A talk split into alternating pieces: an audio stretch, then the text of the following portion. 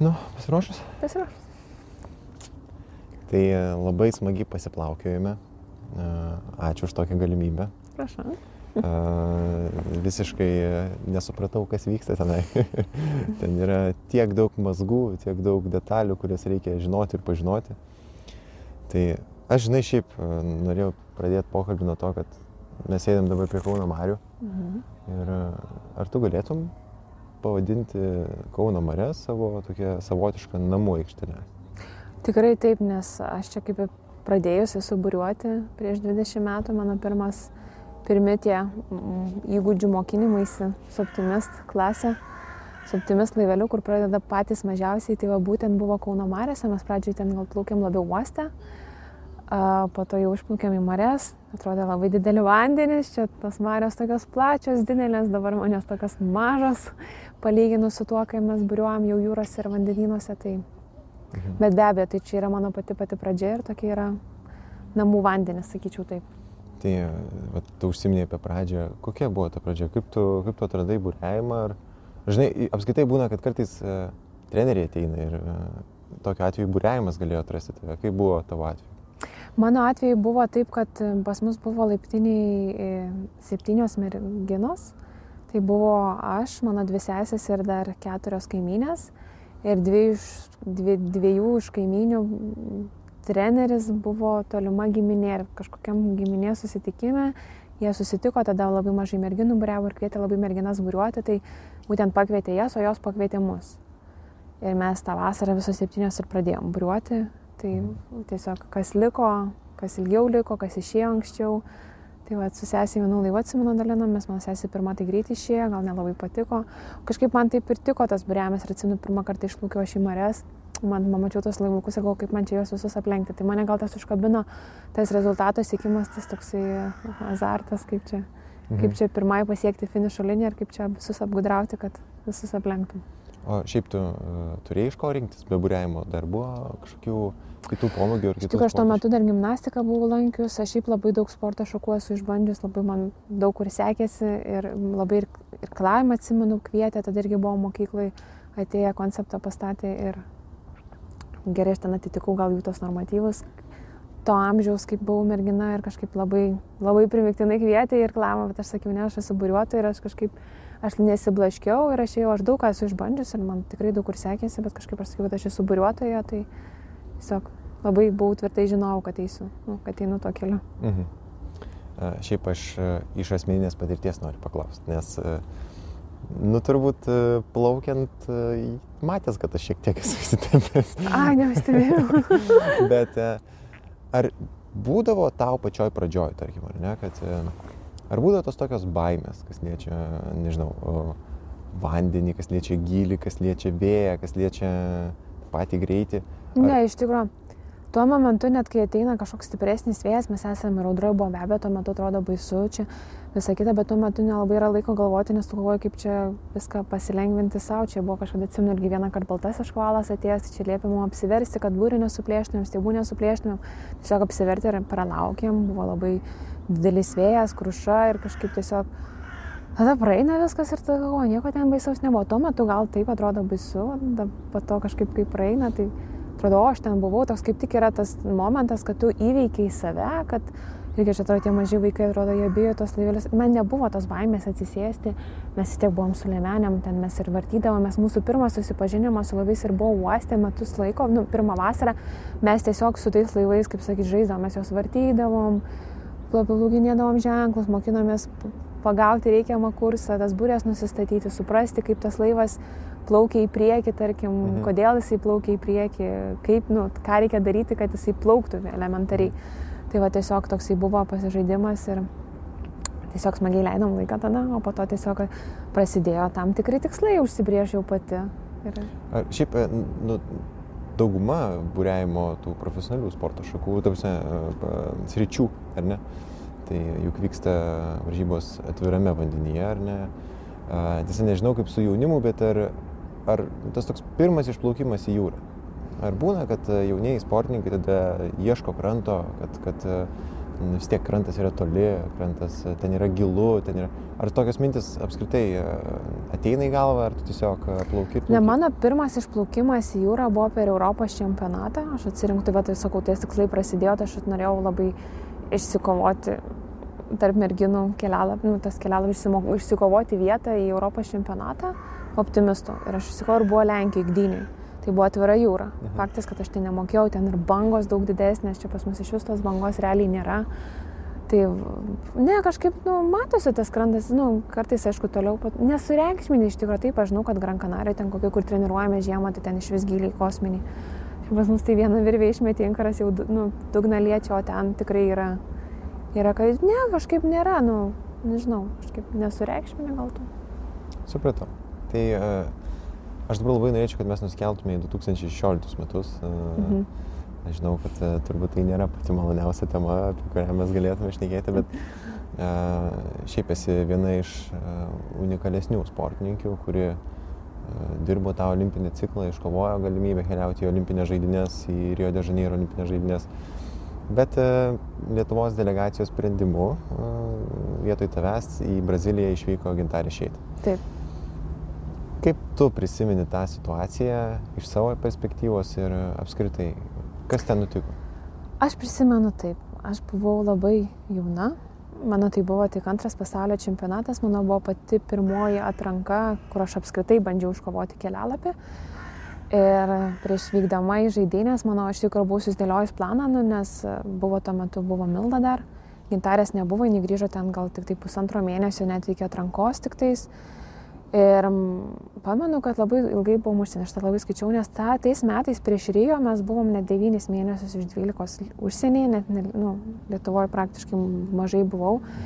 Ir buvo momentas toks, kad aš planavau taip, kad aš planavau, jeigu iškovoju kelialapį, aš tada tiesiog pasibaigiu bakalauro ir tada metus su viršum ruošiuosi tiesiog olimpinėms žaidynėms, nes buvo atranka du metai prieš. Bet atsitiko taip, kad grįžo gintarė pavyko man iškovoti tą kelialapį, labai gerai atsimenu, kaip aš iškovojau, nes irgi paskutinį plaukimą, kažkaip iš viso po pusfinalio aš buvau antra ir finalas aš kažkaip po dešimt vietų krizdavau, matyti, čia buvo irgi nepatirtis ir, ir tada gal tiesiog labiau pradėjau stresuoti, nes ta pati pradžia buvo labai labai gera, nu, mano pir, nu, antras pasaulio čempionatas, pirma atranka, aš čia po pusfinaliu, išėjau į finalus stovėdama antroji vietoj ir kažkaip tik nesugebėjau aš tos pozicijos išlaikyti, bet sugebėjau iškovoti tą kelialapį ir labai gerai atsimenu, kaip paskutinį plaukimą plaukiau ir galvoju, man kažkaip reikia tas tris merginas aplenkti. Ir aplenkiau aš tas merginas, dar prieš tai aš irgi atsimenu apsivertus buvau, toks irgi labai pamatyti stresą kažkaip. Mhm. Ir aplenkiau aš jas ir kažkaip, nu, tas žinojau, kad arba iškovojau uh, vieną iš paskutinių, arba buvau už borto. Tai aš nuėjau, pasižiūrėjau, kad aš nu, net nebuvau paskutinė, kuri iškovojau kelialapį Tai pamačiau, kad aš iškovau, labai džiaugiausi, bet tuo metu labai nuliūdau, nes supratau, kad, kad galbūt aš ir nevyksiu. Aš jau tuo metu labai supratau, nes kažkaip ir iš viso žinias, nu, čia mano dabar patirtis, aš tai pasakysiu, kaip aš mačiau visą situaciją. Tai nes labai visi rašė, kad čia iškovotas bendras kelialapis, nebuvo net rašyta, kad aš iškovojau. Labiau buvo pradėta šnekėti apie tai, kad aš iškovojau kelialapį, bet neišvykau tada, kai aš iškovojau tokį. Mhm. Kas buvo labai keista, nes nu, tuo metu visi žinojo, kad nu, kaip ir aš iškovojau, tengi rezultatus galima atsiversti. Tai pas mus tiesiog mes susėdam, aptarėm atranką, kaip turėtų būti. Ir pas mus tiesiog sustarimas taip, jeigu tu iš pirmo karto iškovoji kelialapį, tai yra šaliai, jeigu yra antras per antrą atranką iškovota, tai yra tai yra tada ir šaliai, ir asmeninės. Tai vad, kas man įvyko Tokijoje, tai galiu šiaip dabar sulyginti tas abi atrankas, aš iš pirmo karto neiškovojau Tokiją, ką labai tikrai tikėjausi iškovoti, nes vykau viena tarp lyderių, buvau šešta pagal pasaulio reitingą, tikrai buvau labai gerai pasiruošus ir fiziškai, ir psichologiškai aš tom varžybom. Ir taip neiškovau kelialapą. Mhm. bet faktas, kad aš tiesiog tada tiesiau darbą ir tada antrą, bet čia matyt gal irgi psichologiškai suveikė, kad, kad, aš, kad iš manęs jo niekas netimtų, žinai. Mhm. Tai vad per antrą jau buvau garantuota, kad tai yra mano kad niekas jo netims, bet tada tiesiog buvo tokia tam tikra atranka. Be abejo, kadangi aš, kaip sakau, baiginėjau bakalauro, aš visai viską kitaip planavau, gal man tuo metu reikėjo akademinę simti, tada galvoju, bet aš norėjau tą bakalauro labai pasibaigti, nes aš dieninė buvau, nenorėjau aš ten kažkaip, kažkaip, kažkaip atidėti dar metams vis tiek. Galvoju, reikia naudotis progą ir baigti, bet, nu, mat, man tas pakenkė, nes aš negalėjau tiesiog ruoštis normaliai atrankai. Čia gal buvo mano ir viena iš klaidų, žinai, kad, kad, kad gintarė galėjo skirti visą laiką pasiruošimui, žinojo, kad vis tiek kažkas iš mūsų vyks. Tai faktas, kad jinai gal tuo metu ir geriau ruošėsi. Ir tai nu, buvo dar tokių niuansų dėl laivų, žinai, kad nebuvo mano laivas irgi vienas iš naujesnių, buvo netgi leido vandenį, tai tas man irgi nelabai padėjo, kaip sakant, tai kažkaip gal norėjosi tos sažiningesnės atrankos.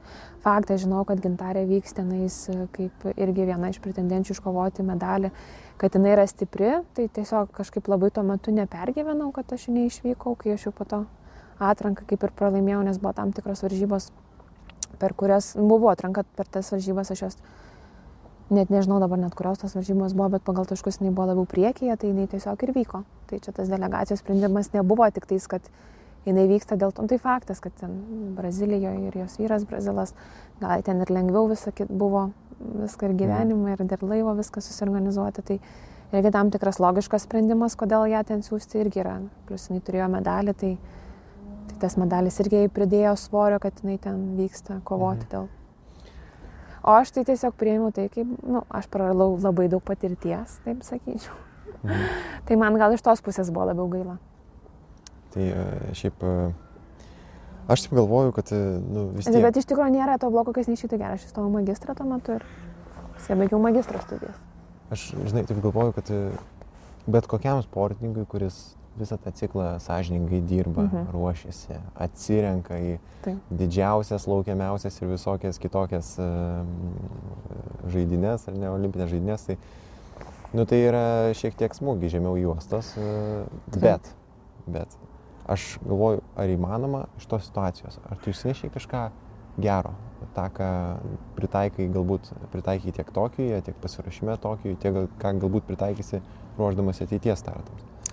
Iš tikrųjų galiu pasakyti, tai yra tikrai nieko, sakau, to blogo, kad nesieitų gera, buvo labai daug, e, bet tų tokių neigiamų jausmų buvo labai daug ir teigiamų, dėl to, kad a, e, realiai neišvykusi tą žaidynės, aš kažkaip, bet aš labai atsimenu baigęs ir aš tikrai tas žaidynės ignoravau, aš jau net nežiūrėjau, visiškai, net, net toks buvo mintysė blokas, kad jos net nevyksta. Ir atsimenu po žaidinių buvo taip, kad aš sakiau, kad, kad man dabar reikia pailsėti ir aš ilsėjausi net penkis mėnesius ir traumą tuo metu gavau tokia visiškai netikėta, bet matyt, dar reikėjo gal protui palisėti. Prieš pradedant tą ciklą į Tokiją, tai labai daug kas buvo prieš, kad aš užsimaniau to polisio, bet e, aš tiesiog labai stipriai jaučiau, kad man jo tikrai reikia. Ir netgi po to polisio buvo netgi geriausi rezultatai realiai mano karjerai.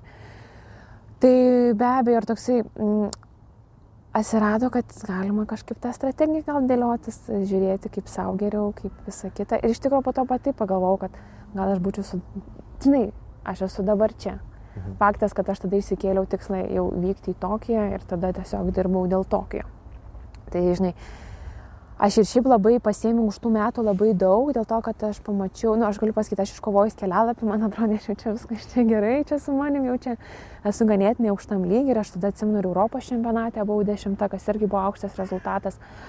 Ir tada kažkaip buvo pasaulio turės finalas, į kurį buvo 18 dalyvių, buvo pačios, aišku, stipriausias, visi jau sakė, kad vien, kad tu ten iškovojai pakvietimą, nu, nes pakvietimai buvo pagal reitingus, mhm. tai jau yra pasiekimas, tik tai tiek, kad buvo gerokai jos labiau patyrusios ir aš realiai nu, buvau paskutinė. Ir va tada gal man buvo ta tokia, ne tai kad smūgis, bet toks susimastymas, kokiam aš taškė esu ir kaip aš noriu toliau eiti. Turėjau du momentus pasakyti savo, kad aš taip sėdžiu ir galvoju, tai viskas, aš čia umburiuoti, man čia nesigauna, čia mane visas lenkia ir galiu išeiti iš to būrėjimo.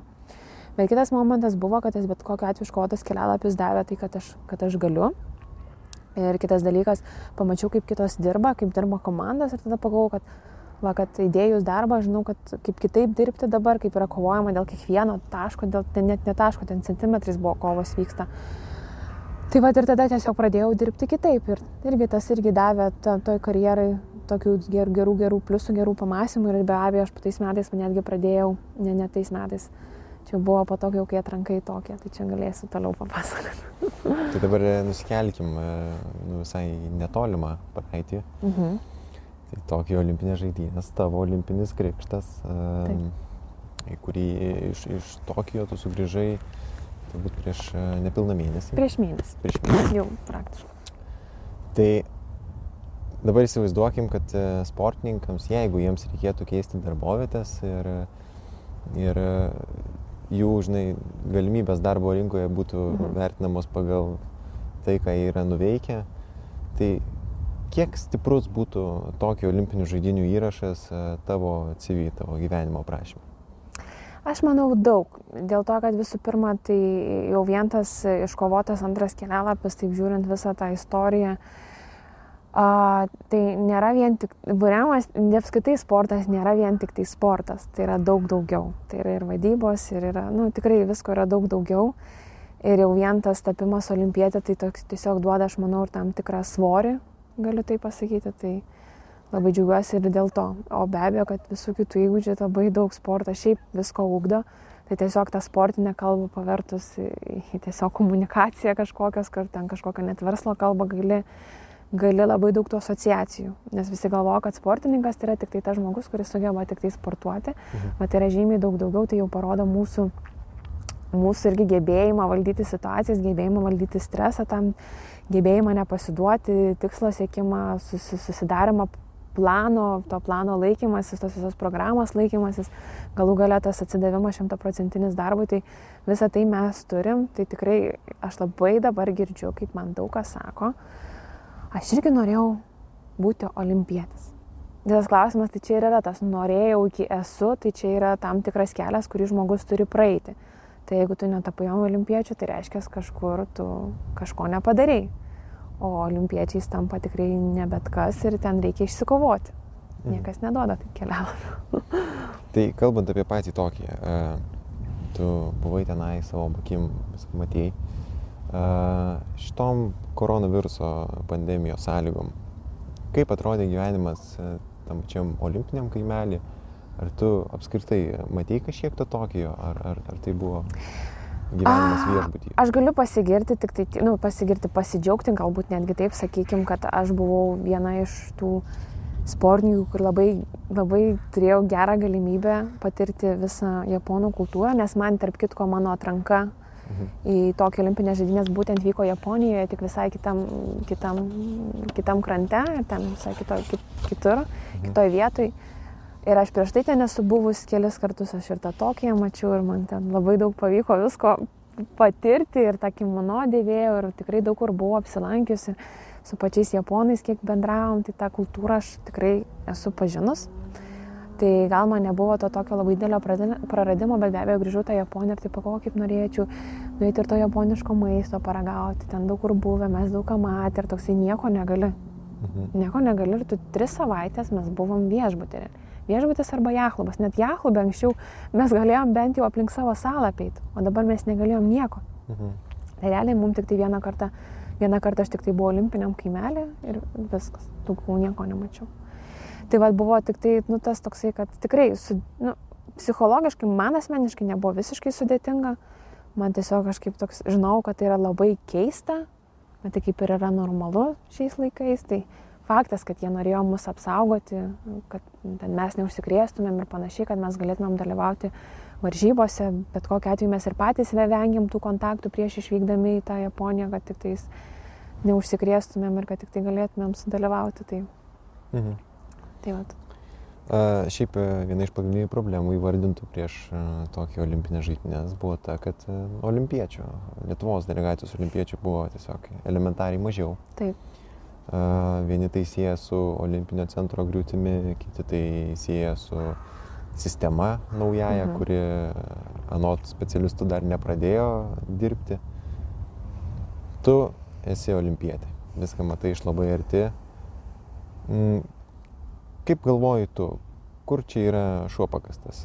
Kodėl tų olimpiečių buvo tiesiog mažiau negu įprasta? Šiaip aš galiu dabar lyginti kitas, kitas šalis, kitas komandas, bent jau su mūsų pasiruošimu, tai aš manau, buvo labai daug pasiruošimo spragų. Vienas dalykas tai yra tai, kad mes negalėjom niekur išvykti.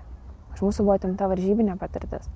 Kitos komandos jos kažkaip, ir žinau, kad tikrai mano bent jau buriuotojos, tai buvo ir ten Norvegijoje susirinkusios ir kooperavosi, ten tik pirmai galimybė atsiradus. Buvo dėliojama strategija, kaip padaryti, kad neprarasti varžybinės patirties. Mhm. Nes mes jos daug praradom. Kitas dalykas, nu vien jau čia jau net ne mano sportai, man ir pati Laura Sadauskaitė kiek yra minėjus, kad tarkim, nu, neturim, mūsų net nei, tas ne, neįleido olimpiečių ruoštis net į manėžą. Jau visiems tai visiems uždarė, bet ta prasme tas visiems tai mes kaip profesionaliai tai yra mūsų darbas ir iš mūsų timta darbo vieta realiai. Mhm. ir niekas negalvoja apie alternatyvas, kaip tą darbo vietą mums sugražinti, tai kas kaip savaip, o kitur buvo, kad įsitraukė nu, ir valstybė ir įsitraukė ir pačios tos federacijos, tarkim, ir žinau, kaip Danai irgi, nu, salės pas mus uždarytos, nu, tai jiems irgi buvo uždarytos, jie tiesiog paėmė tą salę, laukia ir įrengė jiems, ta prasme, viskas suvežė. Ir visa komanda galėjo savo sėkmingai toliau treniruotis. Mhm.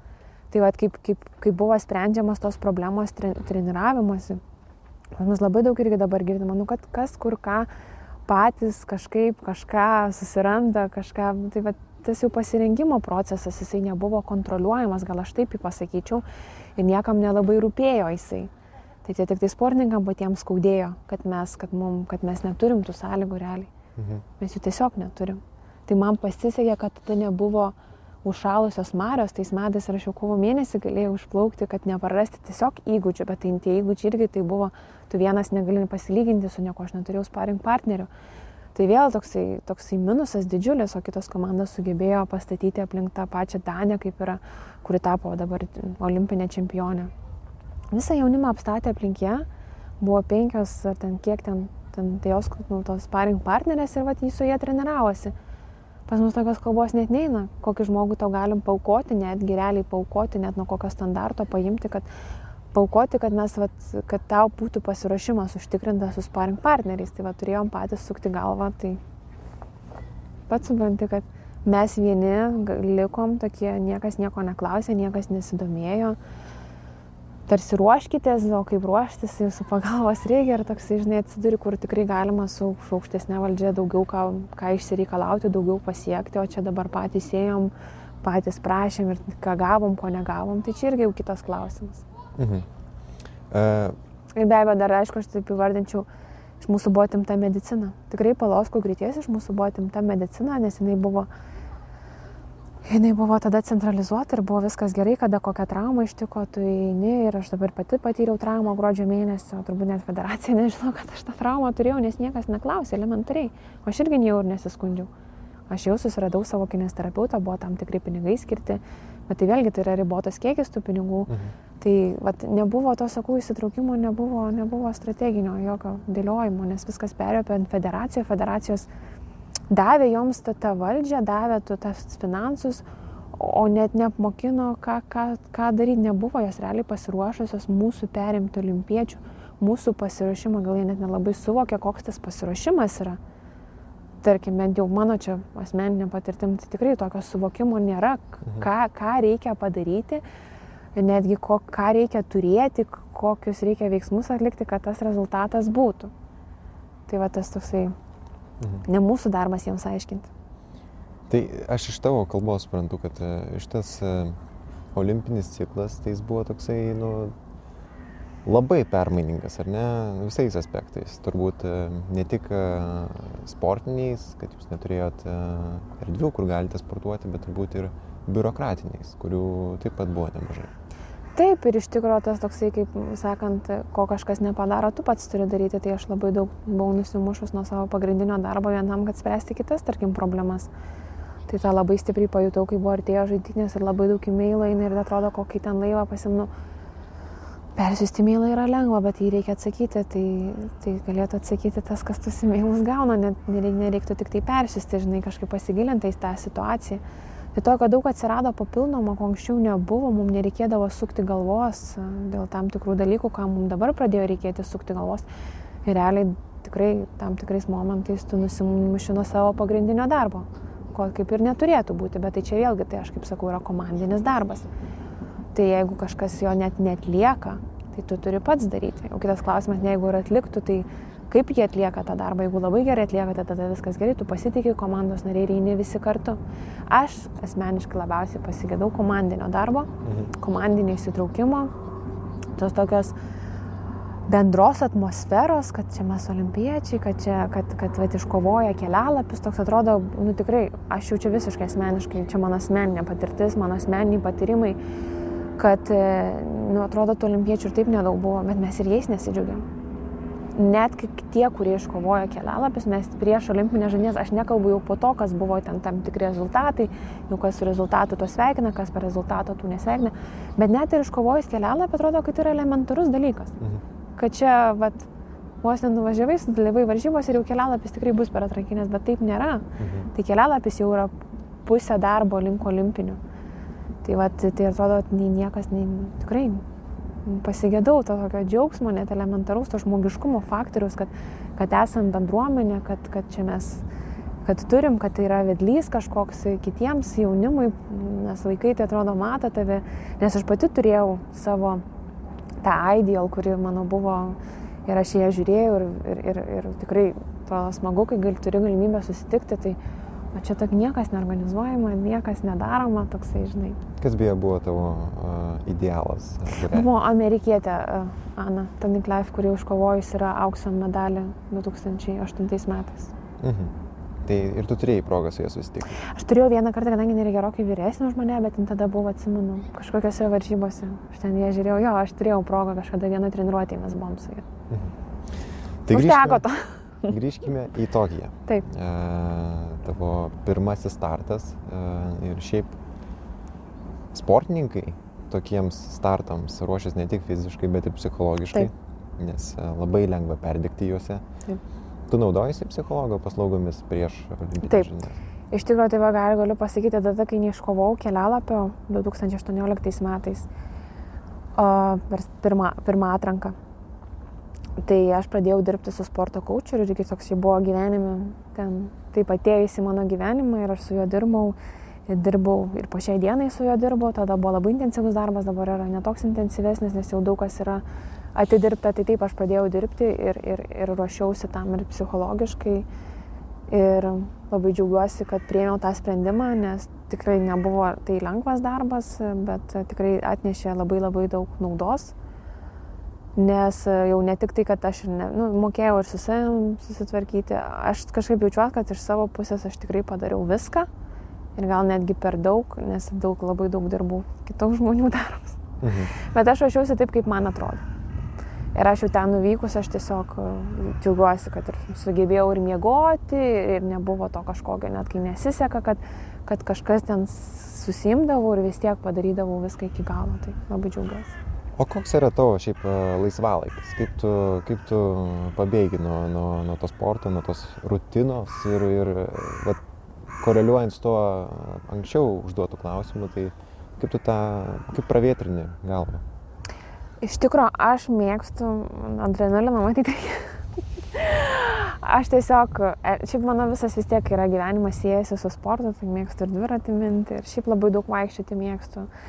Tiesiog e, toksai mano šiaip dažnai geriausias laikas valakis yra tai tiesiog skirti laiko savo, skirti laiko draugams, susitikti su jais, su šeima susitikti, tiesiog atsigriepti, nes mes labai daug būnam užsienyje ir būnu aš viena, pas mane net nėra komandos, realiai tai aš būnu viena, tai tas toksai norisi grįžti, bendrauti, nes to laiko iš tikrųjų mažai būdavo, tai dabar džiugiuosi mėnesį laiko turiu tokio polsio, tai galėjau tiesiog tikrai daug, daug ką nuveikti, ko negalėjau anksčiau, tai tiesiog elementariai mėgautis tuo pačiu laiku, nes anksčiau tai toks visur lėkimas, bėgimas, tiesiog grįžti, jau grįžti ir aš realiai išsikraunu iš lagamino daiktus, išsiskalbiu ir iš vėl deduosi, nes mes po savaitės išvykstam. Tiesiog pasilgau tos namų aplinkos, mėgoti savo lovai. Daug kas gal to nesupranta, bet yra tie ilgi visi skrydžiai ir tiesiog yra tam tikra tokia, nu, toksai visur niekada nieko nežinai, visur viskas lėki bėgi, tai va tiesiog pasilgau pabūti Lietuvoje, pasidžiaugti gamta netgi, tai va mano toks Mhm. E, geriausias praleidimo būdas. Mes iš Tokijo gaudavome naujieną su tavo citatomis, kad e, ir tu vis akcentuodavai, kad e, štai startavau gerai, arba startavau prašiau, arba startavau o, blogiau. Tai ir man taip iškart peršas klausimas, kiek svarbus yra tas startas būrėjimo sporto šakoje ir, ir, ir ar jisai tas geras startas jau yra ženkliai, ženklus, e, ta prasme, taškas. Geras startas rezultatui? jisai negarantuoja gero rezultato, bet kokiu atveju, kaip ir blogas startas, negarantuoja blogo rezultato. Tai startas, nu, faktas, kad yra kovojama dėl geriausios pozicijos, e, kur, kur, kurios reikia, bet e, tiesiog būdavo, aš atsimenu, tikrai gerai startuodavau, kažkur taktiškai paslyzdavau, tarkim, mane. Kartais būdavo blogai startuodavau, bet tada taktiškai viskas gerai. Tai, nu, tas startas jis yra tikrai labai svarbus, nu, jisai tikrai, jisai duoda daug, nes sustartavus gerai, tu gali tiesiog vykdyti savo strategiją, gal taip pasakyčiau, tą, kad tu esi susiplanavęs. Su blogu startu tu turi dar tada, e, kaip pasakyti, priimti tam tikrus sprendimus, kad iš tos situacijos išeitum, nes tada ne visada gali atlikti tai, ką tu nori. Mhm. Tai va, su, su geru startu yra viskas žymiai paprasčiau, su blogu startu yra žymiai viskas sudėtingiau. Mhm. Bet tiesiog viskas labai priklauso ir nuo varžovių klaidų, ir nuo tavo, nuo tavo strategijos, nuo, nuo tavo viso darbo. Ir taip, nuo daug ko čia priklauso. e, tai kas labiausiai tau kišakoja Tokijo įlankoje? Ar tai, ar tai vėjas tas neprognozuojamas, ar kažkokios rovės? Kas? Iš tikrųjų, atsimenu, tada atėjo tas taifūnas ir jis tokį labai tokia sumaišti, nes taip tai būdavo labai gražiai giedra ir labai gražus brizas pūsdavo. Jau išmokę buriuoti.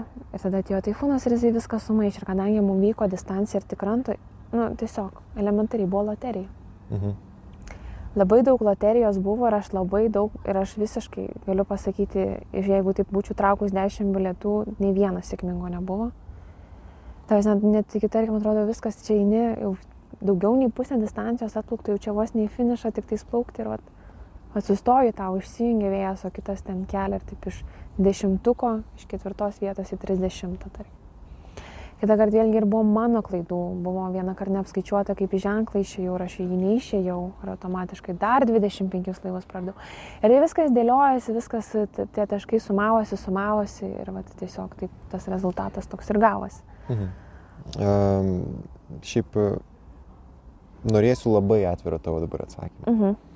Kaip tu pati vertinti savo pasirodymą Tokijo olimpinėse žaidynėse? 25 vieta. Taip. Koks tai rezultatas tau, žinančiai, ką tu gali? Tai yra labai prastas rezultatas, čia nėra netgi ko slėpti, čia net nėra ką sakyti. Daug kas gali būti, sakyti, kad taip, čia tu, tavo debiutas, jo lab, kad man tai yra debiutas, net ne antrosios žaidynės ir net ne trečiosios. Kadangi aš ten esu buvus prie olimpikė, su pasaulio turiai buvus, kur dabar man irgi labai keista girdėti, kai visi man sako, tau silpnas vidutinis vėjas, kaip tik man stiprus vėjas labiau patiko ten ir aš per stiprų vėją geriau būrėvau. Ir aš ten esu prie olimpikė 10, buvusi medal reis atsirinkau ir per stiprų vėją, kai buvo pasaulio turė aš 15 buvau, kur buvo žymiai daugiau laivų. Ir dabar būti 25. Nu, ta prasme, tai net nėra tas rezultatas, apie kurį aš galėjau pagalvoti, kad aš būsiu. Mhm. Ir, ir be abejo, aš tai vertinu. Iš kitos pusės aš tada pradėjau vertinti, kas tas yra komandinis darbas. Kaip man treneris pasakė, tu buriuoji labai gerai, bet tau labai nesisekė. Mhm. tai va taip galėčiau pasakyti, šiaip labai, aš tai džiugu, esu labai laiminga. Ten buvo e, tam tikra galimybė, sakau, pastebėti ne, ne tik tai ir savo spragų, ne tik tai savo, nes nu, tavo varžovas jis tau labai gerai parodo tavo klaidas, nes, nu, tarkim, Lietuvoje, būriuojant Lietuvos kokiam čempionate, tu gali ten tų klaidų daryti ir daryti. Ir vis tiek laimėti. Ten kiekviena klaida yra labai brangi ir tu jos negali daryti. Mhm. Ir kadangi ten yra tam tikras irgi svoris tų varžybų, tai faktas, kad, kad, kad tai sprendimai, nu, tu tiesiog nori maksimaliai padaryti ir kartais, kai nesiseka, toks būna, kad ir gali pasimesti. Tai va, jeigu taip atvirai, tai nežinau, vertinu Nu, tikras, tikrai prastai negaliu sakyti, kad gerai, nes aš ten tikėjausi dešimtuko mažiausiai. Mhm. Bet kad aš netidaviau visų jėgų, aš irgi negaliu sakyti, nes aš kiekvieną plaukimą tikrai plaukiau maksimaliai. Ir netgi kai nesisekė, vis tiek plaukiau maksimaliai ir atidaviau tikrai visas jėgas. Ir aš labai džiaugiausi vieną dieną, kai irgi. Mano buvo laimėjimas, kad nepaisant to, kad man nesisekė prieš tai, aš vis tiek būriau maksimaliai ir po to kaip ir stiprų vėlinkį visas tas už tave sunkesnės, aukštesnės ir ten pasaulio čempionės. Nu, tai tik tos klaidos jau po to man kišo, dėl ko aš prarasdavau tas pozicijas, bet tu jas lenki. Na tai net gera, nes tu supranti, kad tu esi toje vietoje ir kad tai yra tavo vieta. Mhm. Tik tai va tos klaidos. Tai va aš tikrai, manau, pagal potencialiai tai ten mano tikrai gerokai geriau aukščiau.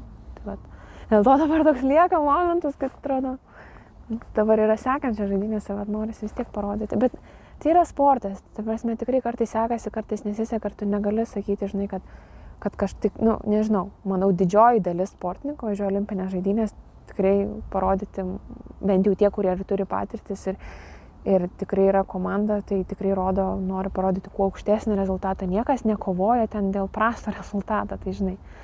Tai sakyti, kad irgi netidaviau ten savo vis, visos savęs, tai negaliu, nes tikrai atidaviau. Tai. Mhm. E, Viktorija jau judėsime link pabaigos, bet e, mhm.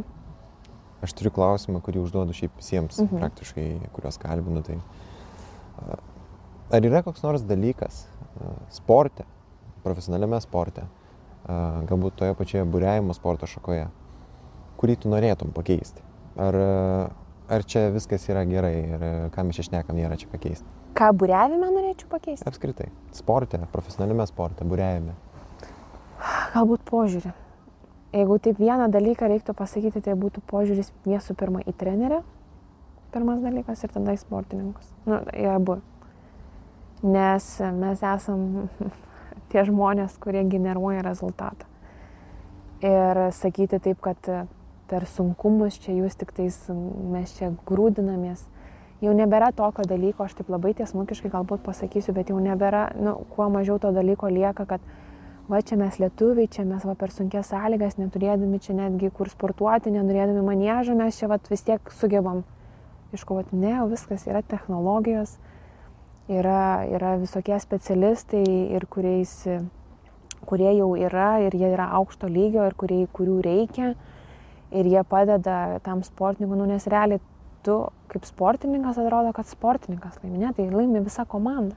Nes mano treneris mėgsta sakyti, tai laimi tai kaip sportininkas, bet vat, pralaimi tai treneris. Aš tai nesakyčiau, taip aš manau, kad pralaimi komanda.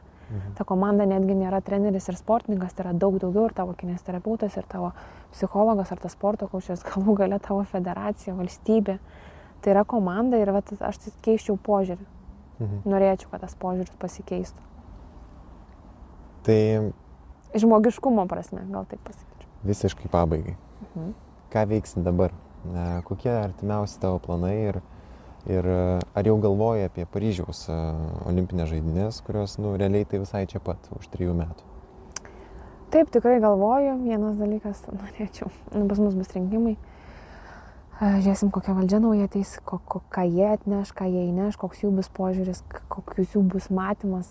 Tai e, manęs šiaip porytą aš jau išvykstu į treniruočio stovyklą. Nidoje bus Lietuvos čempionatas, tada seks po mėnesio Europos čempionatas ir tada dar po mėnesio bus pasaulio čempionatas, kurį tikėkime vyks. Mhm. Tai va, dar laukia tos varžybos, o dėl Paryžiaus tai norėtųsi aptarti su federacija, su, su tai žmonėmis, kaip mes, tą, kaip mes tą darom ir ar mes tą darom. Kad aš noriu, tai aš noriu. Bet e, tikrai dabar taip gal aš nepasakysiu, tikrai atmetu galimybės, kad aš galėčiau ir išeiti, nes e, jeigu matysiu, kad niekas nesikeičia, tų spragų yra daug ir jau čia ne viena aš kalbu apie tas problemas, tai jau visi olimpiečiai tikrai apie jas kalba.